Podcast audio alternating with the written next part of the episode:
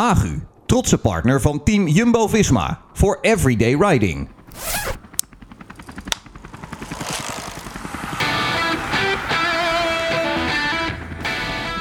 Sprintkanon Dylan Groenewegen, ploegleider Nico Verhoeven, Mike Teunissen en Amund Gundal Jansen. Waaronnetjes in de sprinttrein. Ze hebben allemaal wat gemeen. Ze zijn straks te vinden in de Tour de France en nu in de ZLM Tour. En vanuit dat laatste rondje zitten ze allemaal in deze podcast die volledig draait om de Tour. Vanuit Zeeland, waar de puntjes op de i worden gezet, is dit de Everyday Riding podcast van Team Jumbo-Visma. Groenewegen komt eraan en Groenewegen is er voorbij. En Groenewegen gaat het redden. Ja, hij doet het. Steven Kruiswijk, hier. Ha. Kijk eens naar dit gezicht. Stoïcijns. Roglic crosses the line victorious, takes a stage win to add to what could possibly be a podium finish by the end of this.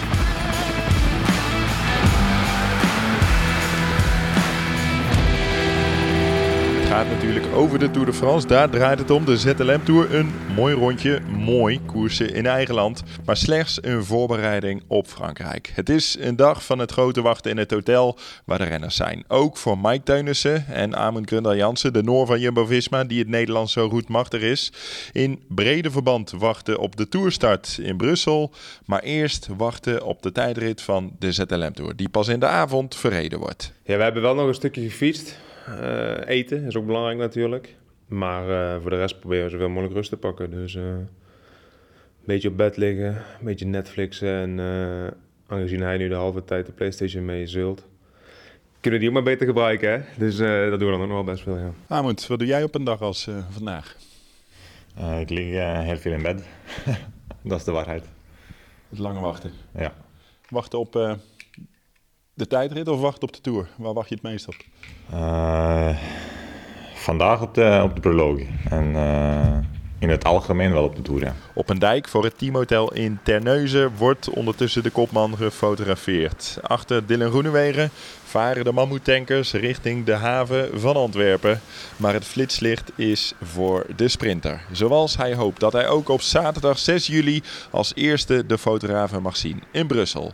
Want daar wacht wat. De eerste ritzegen en de eerste gele trui. Ja, ja, dit is natuurlijk sowieso de Tour super speciaal en... Uh deze kans is, uh, is niet al te vaak, zeker voor Dylan niet natuurlijk. Dus, uh, dus dat maakt wel wat los. Uh, aan de andere kant, kijk, wij rijden nu hier ZLM Tour en er zitten ook een paar sprints in. Ja, die proberen we te winnen. En ik denk dat het belangrijk is om dan dadelijk die Tour start een beetje hetzelfde te benaderen, benaderen en niet al te gek te doen. En gewoon te doen wat eigenlijk al het hele jaar door best goed gaat. En, en dat proberen we ook daar gewoon te doen. En, uh, en ik denk hoe moeilijker het jezelf gaat maken, hoe, hoe moeilijker het gaat worden om daar uh, dat resultaat uit te halen wat je voor ogen hebt. En ja, we gaan zien hoe dat, uh, hoe dat gaat uitpakken natuurlijk. Maar ehm, ja, we, we, kijken natuurlijk wel al, al, al een poosje naar uit, dat zeker. Ondertussen klaar met de fotosessie en aangeschoven in de vergaderzaal van het hotel. Dylan Groenewegen in een zwart shirt met de toepasselijke tekst Go, go, go Dylan. Als jij nu kijk naar het jaar wat je gehad hebt, had jij je meer kunnen wensen in de aanloop naar de, naar de Tour? Nee, zeker niet. Ik heb eigenlijk overal waar we, waar we konden winnen en wouden winnen, hebben we dat uh, ja, met sprinten eigenlijk wel gedaan. Dus uh, ja, mijn seizoen is tot nu toe wel uh, ja, zeker geslaagd. Ja, want neem je jaar eens door. Hoe is het gegaan tot dusver?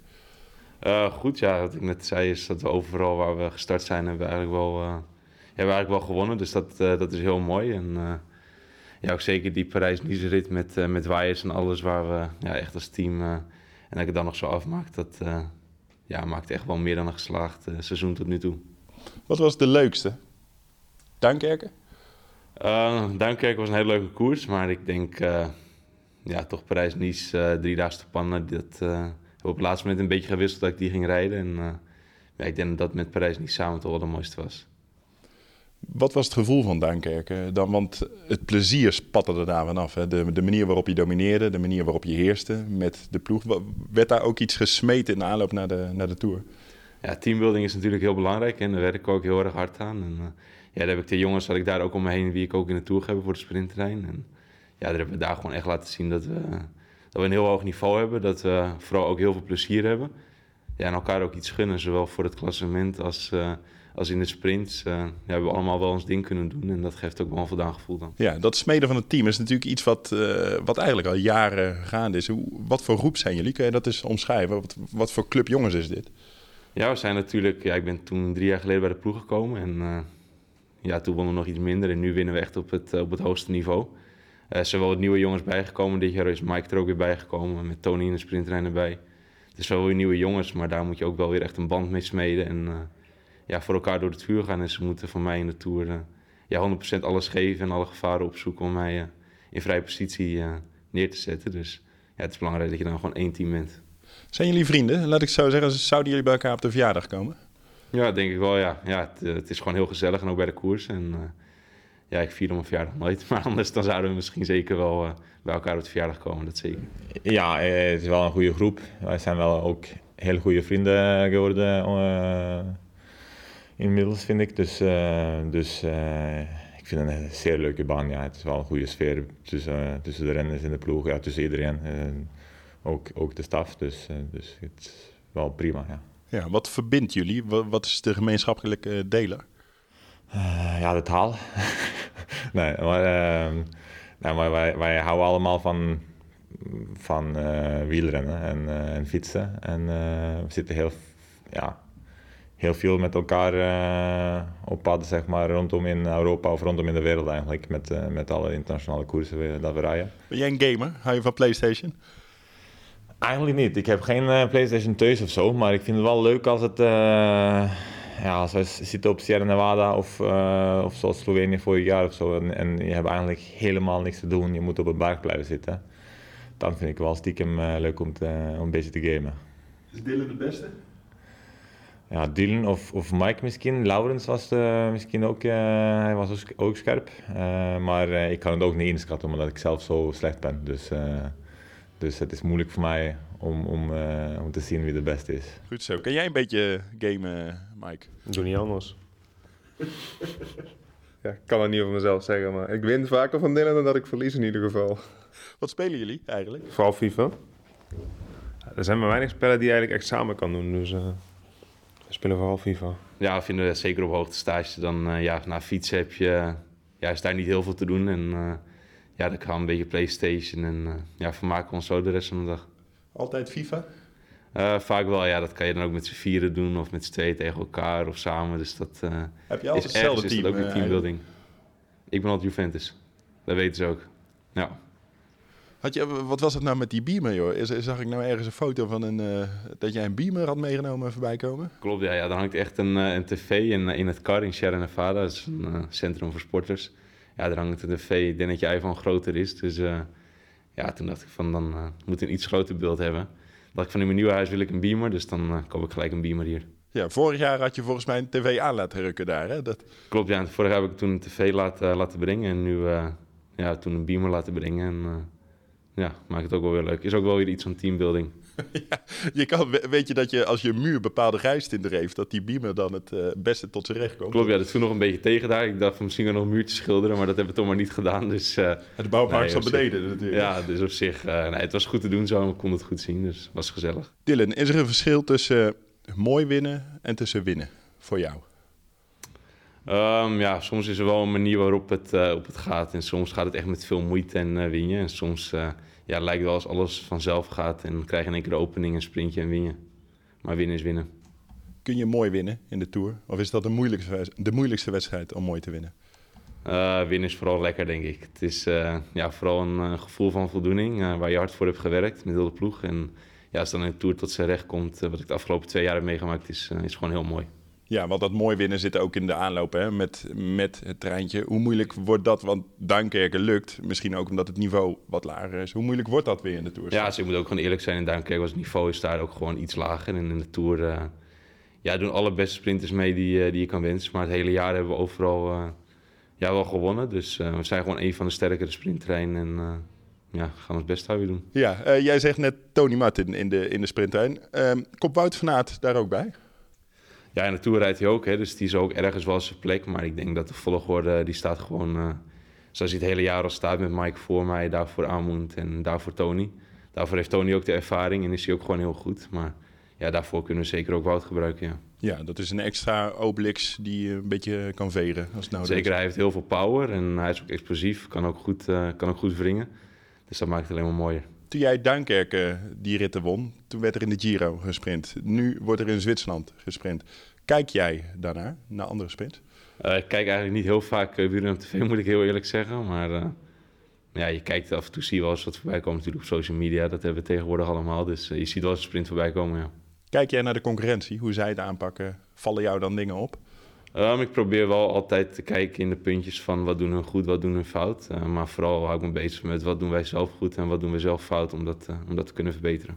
Ben jij bezig met concurrentie of totaal niet? Hoe, hoe werkt dat nee, bij een niet sprinter? heel erg. Uh, tuurlijk, hè, je valt altijd wel iets op, maar ja, ik ben vooral bezig met mezelf en met hoe we de jongens om ons heen zo sterk mogelijk kunnen maken om in de Tour de topfit te staan. Ja, ja, dus als Viviani voor het eerst weer wint sinds de Tirreno, denk jij niet aan hem, denk jij nog steeds aan jezelf bijvoorbeeld? Ja, zeker. Ik zelf moet daar gewoon uh, zorgen dat ik in de Tour een topniveau ben. En dan, uh, dan weet ik gewoon dat het er heel goed voor staat. Als we dat geweld ingaan straks in de Tour, um, heb je ook de oude garde, de mannen, Cavendish, Greipel. Zie jij de oude mannen nog als concurrentie? Je moet natuurlijk altijd, uh, altijd rekening met ze houden. Natuurlijk hou ik nu meer rekening met een Gaviria, een Caleb Ewan, een Viviani.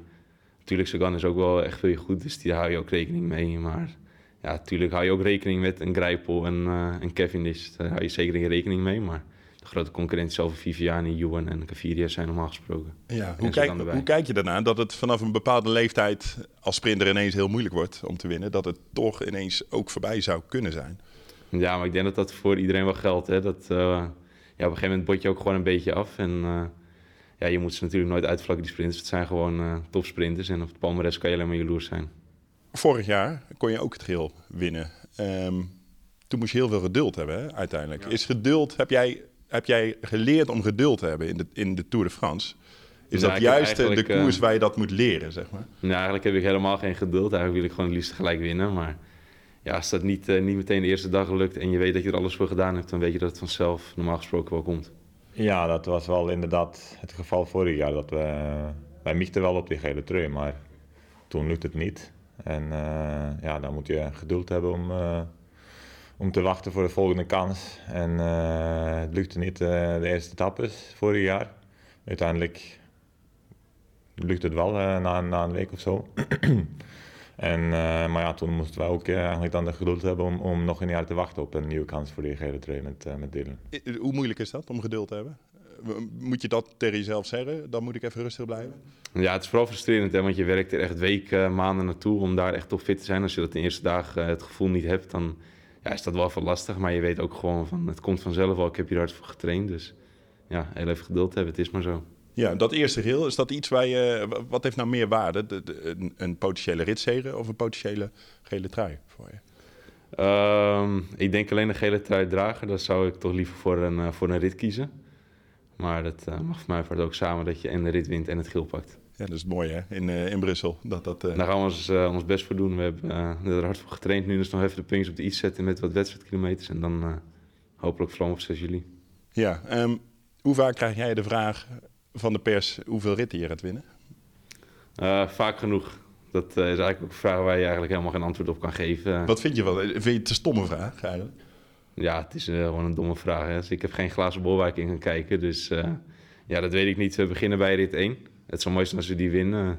Maar je moet ook wel gewoon tevreden zijn als je één rit wint. Het is heel moeilijk in de Tour. Dat zie je elk jaar wel weer. En ja, het kan er één zijn, het kunnen er vijf zijn, het kunnen er twee zijn. Het kan er ook geen zijn. Maar we doen ons best. Ja, als je één rit wint in de Tour, dan is het al heel erg knap. Heb je wel eens het idee dat, dat, dat er gekeken wordt van... nou, die Dylan die wint wel even vier, vijf sprinters of zo... terwijl het geen Playstation is, zoals met FIFA. Je drukt op X en uh, hij ja, de bovenhoek. Nou ja, klopt. Hè. Dat, uh, sommige mensen denken dat het net, uh, dat het net Playstation is, maar dat, dat is zeker niet zo. Het is, het is gewoon heel lastig om te winnen. En ja, we gaan zien of dat lukt. we zijn het hele jaar goed.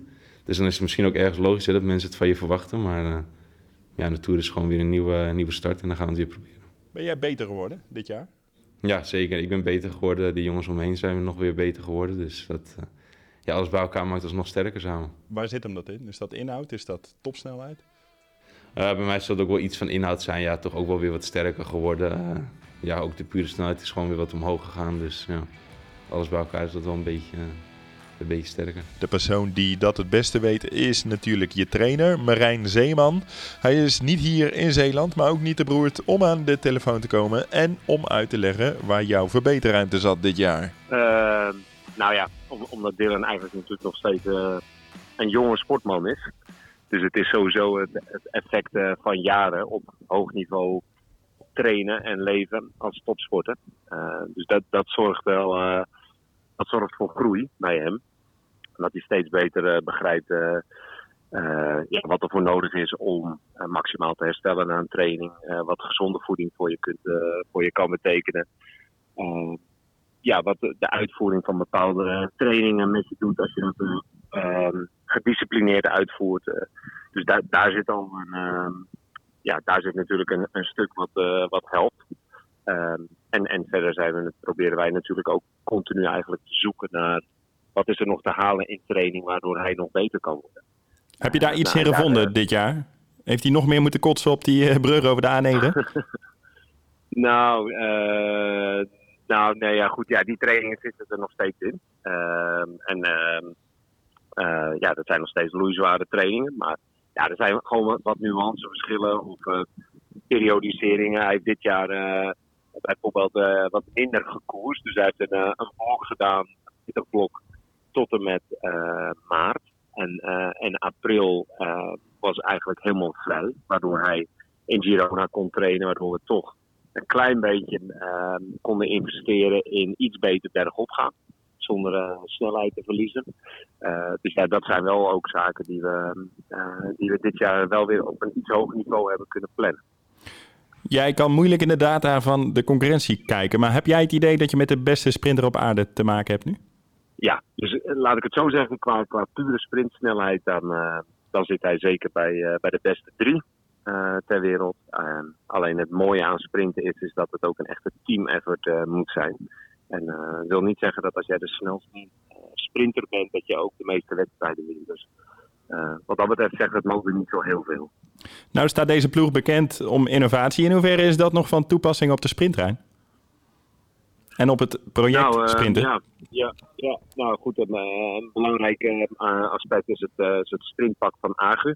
Uh, dus ook daar is, uh, is nog wat te halen. Uh, en daar heeft AGU ja, echt een inspanning gedaan om, daar, om, om nog een snelle pak te produceren. En dat, nou, dat, dat is daar een onderdeel van. Maar dat heeft te maken met de stoffen, met de manier hoe het gewerkt wordt. met de pasvorm die, die perfect moet zijn, wat ook makkelijker gezegd is dan gedaan. dus dat zijn een aantal aspecten die, die daarin terugkomen. En verder zijn we uiteraard ook met aeroposities bezig. Zowel van de lead-out-mannen als van, van Dylan zelf. Hier en daar wat snufjes aan de fiets van Bianchi, waardoor, we hier, waardoor we winst konden halen. de helm van Laser is, is uiteraard een belangrijk aspect. Nou ja, goed. En ja, dan heb je denk ik wel de belangrijkste innovaties bij, de sprinttrein benoemd. Agu is de kledingpartner van Team Jumbo-Visma. Elk kledingstuk is samen met de ploeg ontwikkeld voor optimale prestaties onder alle weersomstandigheden. De innovaties voor Team Jumbo-Visma vinden hun weg naar verschillende Agu-collecties. De Agu-producten zijn dus voor iedereen beschikbaar. Onze producten zijn onder andere te koop in de webshop op agu.com. Agu voor everyday riding. Dan meteen flauwe bocht, kun je vol door. Deze bocht is wat lastiger hè. Als de avond valt, wacht de tijdrit. En stuurt ploegleider Nico Verhoeven zijn auto 6,8 kilometer achter Dylan Groenewegen aan. Kom op, trek weer een keer naar die motor toe. Hè. Kom op. Ook voor hem is de ZLM Tour een soort van repetitie. Tijd is voor Dylan Groenewegen 8 minuten 17 seconden punt 18. 8 minuten 17 uh, Dylan, snelste tijd tot nog toe. Nou ja, dit is eigenlijk de laatste voorbereidingswedstrijd richting, richting Tour. Kijk, ik, ja, ik zeg voorbereidingswedstrijd, maar eigenlijk is het gewoon een wedstrijd waar je, ja, die je rijdt na de hoogtestage. Dus en dan is het altijd goed dat er een wedstrijdprikkel volgt. En uh, ja, dit is een van de weinige rondjes uh, waar je gewoon van de vier ritten, zeg maar, drie zekere massasprints kan hebben. Ah, zekere, dat is als je de controle in het peloton kan houden, is de kans heel groot dat het een massasprint wordt. Dus dan heb je voor een sprinter en voor een sprintteam als onze hier, heb je gewoon eh, ja, drie uitgelezen kansen om er uh, vol voor te gaan. Moet je dan nog fine-tunen hier? Of weet je, nou, straks gaat het zo en doe het zo? Nou ja, ik denk het fine-tunen. We hebben de, de wedstrijd hiervoor was de vierdaagse van Duinkerken.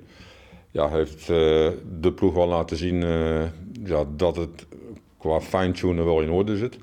Alleen ja, je moet natuurlijk het vermogen kunnen leveren, je moet de conditie hebben. En dan moet je een beetje het geluk hebben om het 100% te doen zoals je het wil doen. Maar uh, op dit moment zijn de verwachtingen wel goed. En, en denk ik dat het, dat het laatste stukje dat dat er al is. Alleen ja, je moet het in, in de praktijk even uitvoeren. De Tour de France begint met een voorlopige selectie, dan volgt de definitieve selectie. Laten we beginnen met het eerste. Hoe is die tot stand gekomen, de voorlopige selectie? Nou ja, de, de, de eerste aanzet is in de winter gelegd. Dus dan maak je gewoon de, de overall planning zeg maar, voor heel het seizoen. En daar heb je dan uh, ja, je ideale achterrenners eigenlijk staan. Met uh, een paar jongens die je dan achter de hand houdt. Maar ja, je, moet, uh, je, ja, je kan slecht elf namen zetten voor acht plekken. Dus in feite hebben wij altijd het laatste jaar gedaan. Dus gewoon acht namen erop zetten. En dan de renners ja, in je achterhoofd houden. Nou ja, van die acht zijn er inmiddels eigenlijk twee afgevallen. Dus de eerste die afviel was, was Robert Geesink. Nou ja, dan moet je een vervanger voor Robert zoeken. Nou ja, daar kwamen we uit. Het was eigenlijk een ongeluk. Uh, ja, een gelukje bij een ongeluk was eigenlijk dat, dat uh, Laurens uitviel in, in, in de Giro. De plus. Ja, dan, ja, dan was het voor, ja, was eigenlijk een, een 1 2 om hem dan klaar te stomen voor de Tour omdat hij natuurlijk relatief nog, nog fris is, want zijn hoofddoel zou de, de Giro geweest zijn. Dus die gaat dan uh, naar, naar de Tour. En dan uh, ja, na de Giro weten we altijd een jongens, die kopmannen en renners die, die een dubbele grote ronde rijden. Dat ze na de eerste ronde wel eens, of na de in, in eerste grote Grand Tour, dus in dit geval de Giro, uitgeput zijn op het eind. En dat ze niet voldoende hersteld zijn voor, voor het volgende hoogtepunt. En dat zou dan de Tour zijn ja, dan weet je dat je daar, daarmee rekening mee moet houden. En uh, in dat gebied ja, was, was Primos gewoon overduidelijk eigenlijk in de laatste vier, vijf dagen in de Giro kon zien dat hij gewoon uh, dat hij vermoeid was. En uh, ja, uiteindelijk hebben we de keuze gemaakt met hem om de Tour over te slaan. Omdat ja, het zat er voor hem ook niet in. Dus ja, en als je met met zo'n renner naar de Tour moet gaan, terwijl je eigenlijk vooraf al weet dat hij, dat hij nooit in, in, in zijn allerbeste doen gaat komen, ja, dan moet je hem niet meenemen. Nog even terug naar die voorlopige selectie. Waarom Kruiswijk als kopman, waarom Dylan als kopman? Is daar, was dat een vaststaand feit eigenlijk al vooraf? Ja, dat was vast. Uh, je ben je naar daar gaan bouwen? Nou ja, als je kijkt naar vorig jaar, ja, dan wint Dylan twee ritten. Dus toen was Dylan ook kopman. En Kruiswijk was kopman en die wordt uh, door het vijfde in de Tour. En uh, Kruiswijk wordt ook nog vierde in, in Spanje. Dus hij rijdt in twee grote rondes twee keer top vijf. Dus dan is het logisch dat hij kopman is. En met Primos hadden we de keus gemaakt uh, om, om volledig voor de Giro te gaan. Dus voor hem zou het klassement in de Tour waarschijnlijk te veel zijn om, om twee keer in zo'n korte tijd drie weken op het allerhoogste niveau te presteren. Hoe is het met Primos eigenlijk? Toen die keuze werd gemaakt, nou we doen het toch maar niet, de Tour. Hoe is hij uit de Giro gekomen? Ja, niet, niet goed. Fysiek tenminste. Hij was moe en uh, ook van heel veel last van, van zijn valpartij gehad. Dus dat heeft wel nagesudderd bij hem. En dan op het moment maar dat, dat echt een aanslag was, hè? De, de derde week Giro. Ja, ja, ja, het begon natuurlijk ellendig in, in dat weekend met die valpartij. Dus dat heeft hem ook geen goed gedaan. Dus uiteindelijk uh, ja, denk ik dat het voor hem wel een last weggevallen is. Want uh, ja, als je zo vermoeid uitkomt, uit, uit een grote ronde komt, dan ja, is het heel moeilijk om die draad op te pakken. En als je te lang stil zit in die periode, dan ben je ook je, ja, dan ben je, ook je voorbereiding richting de Tour en je focus ook volledig kwijt. En dan, uh, ja, dan haal je gewoon je beste niveau niet meer. En een, een renner als Primos, ja, die moet ook zijn beste niveau halen om, te, om de prestaties te leveren die hij kan leveren. Was het toen nog een puzzel om die plek in te vullen? Nou ja, eerlijk gezegd kwamen we al heel snel bij, bij, bij Wout van Aert uit. En dan niet zozeer om hem op de plek van Primos neer te zetten. Ik denk met, met Robert en, en Laurens, dat was, waren wel ongeveer twee gelijkwaardige renners. Maar met, uh, met nou, Primos zou je niet kunnen vervangen. Dat is, daar is, daarvoor is hij gewoon veel te goed. Maar we hadden wel een heel, groot alternatief, heel goed alternatief met Wout. Omdat we zagen ja, hoe zijn ontwikkeling was en hoe goed hij reed op dat moment. Ook op training, ook op hoogte. En uh, ja, dan was het voor ons eigenlijk heel makkelijk als Wouter heel erg gemotiveerd voor was. Want ja, je moet ook natuurlijk als renner de intrinsieke motivatie hebben om, uh, om er voor te gaan. En het zou zijn eerste grote ronde worden. Dus dat zou, ja, is ook een flinke uitdaging voor hem. En hij, was er heel positief over. En, uh, en uh, ja, we hebben op bepaalde gebieden gaan we misschien wat inleveren. Maar ook op bepaalde gebieden met Wout. En zeker als ik kijk richting, richting de sprinttrein, richting Dylan. Maar ook richting de, de ritten die lastig zijn. Waar een klein groepje naar de finish kan, kan gaan. Ja, hebben we met Wout zeker een, uh, een, een hele goede helper. Zo niet een hele goede kopman op bepaalde dagen. Heb je met Van Aert eigenlijk van alles wat? Dat, dat klinkt misschien oneerbiedig, maar eigenlijk is het een heel groot compliment. Nou ja, hij is gewoon. Ja, hij heeft niet voor niks de tijdrit gewonnen in, uh, in de Dauphiné. Dus in de ploegentijdrit gaat hij zeker een, uh, een hele sterke kracht zijn.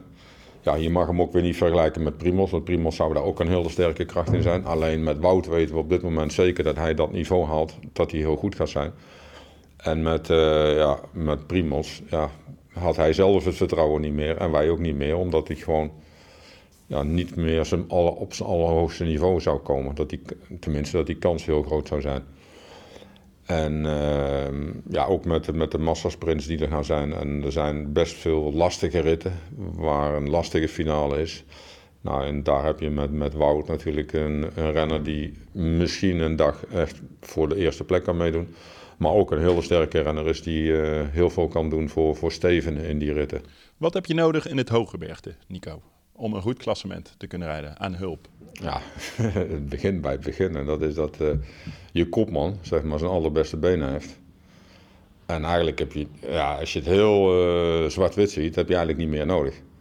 Nee, maar het gemis van Laurens Plus en Robert Geesink in de Giro was duidelijk zichtbaar. Ja, jawel, jawel. Maar ik bedoel... Kijk, Als één man beter is dan de rest, ja, maar een, dan win je. Een, dat bedoel je. Een, ja, nee, een, een Tour is anders dan een Giro. Als je in de Giro, daar waren we met, met Primos, waren we topfavoriet. En uh, vooral op de manier waarop Primos dit jaar reed, waarop hij uh, Romandie gewonnen heeft, keek iedereen naar hem. Zoals hij de proloog won, keek iedereen naar hem. Kijk, dan ben jij de leading team op dat moment. En dan heb je gewoon een hele sterke kern met renners nodig die vooral heel goed bergop rijden. Nou ja, dat was wat, wat we uiteindelijk misten in de Giro. In, in de Tour uh, is dat een heel andere wedstrijd. Wij hebben een andere kopman. Steven is daar niet de leading renner waar iedereen naar kijkt. Want iedereen kijkt daar naar andere renners en naar andere teams. En dan is het voor, voor een team als het onze ook mogelijk om zeg maar, met een sprintkern naar de Tour te gaan en met een klimkern. Omdat je niet zes klimmers nodig hebt om een goed klassement te rijden met Steven.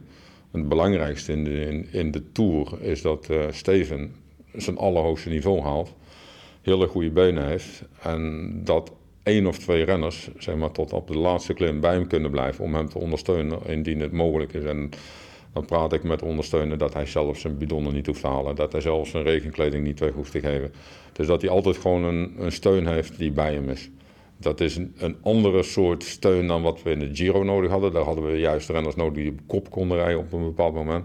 En dat zal in de Tour uh, normaal gezien, als Steven niet in het geel rijdt, zijn het andere teams die dat doen. Hoe groot is de luxe dat je dan Bennett en de Plus hebt? Nou ja, dat zijn jongens Dat die, is wel die- een die- andere categorie eh, helper dan de jongens daar net onder. Dit zijn goede jongens. Ja, maar dit zijn, Dit zijn jongens die zelf ook klassement kunnen rijden. Ja, dat hebben ze ook wel bewezen in feite dat ze dat, ze dat kunnen.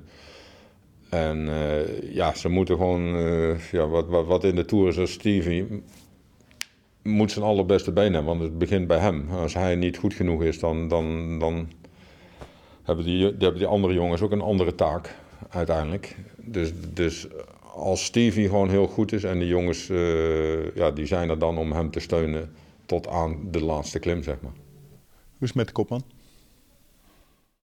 Nou ja, hij is nog niet 100% hersteld.